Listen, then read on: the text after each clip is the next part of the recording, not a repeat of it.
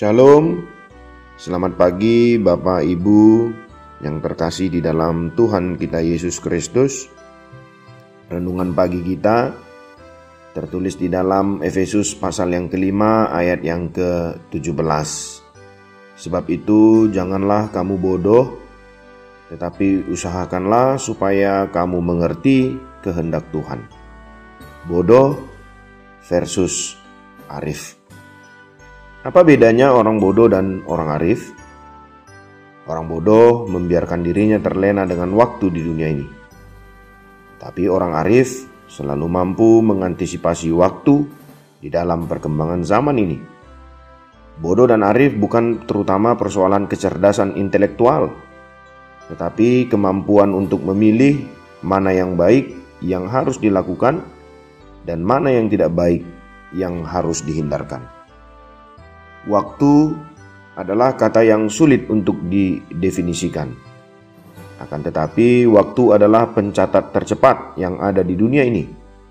Waktu mencatat detik demi detik setiap peristiwa sekecil apa pun yang dikerjakan oleh anak-anak terang atau anak-anak gelap.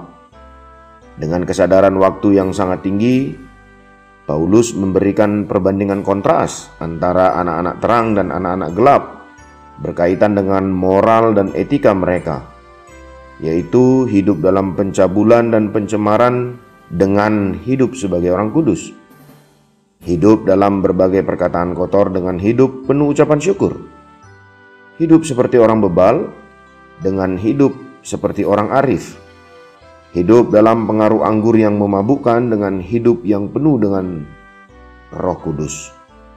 Dalam kerangka dan pola hidup seperti itulah Paulus menegaskan, sebab itu janganlah kamu bodoh, tetapi usahakanlah supaya kamu mengerti kehendak Tuhan.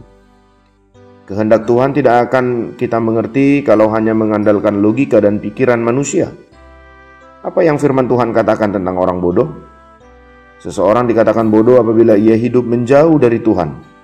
Padahal Tuhan sendiri sudah memperingatkan, "Di luar Aku, kamu tidak dapat berbuat apa-apa.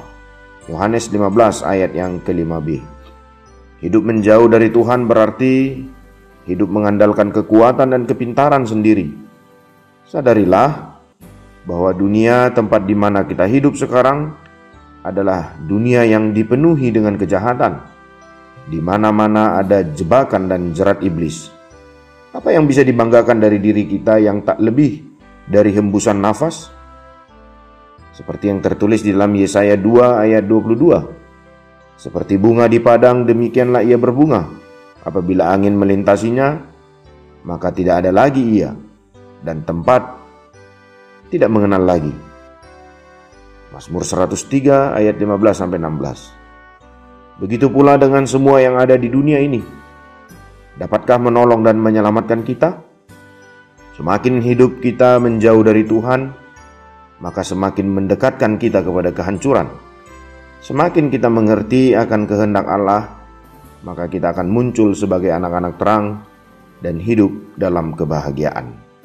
Kembalilah kepada firman Allah. Tuhan memberkati.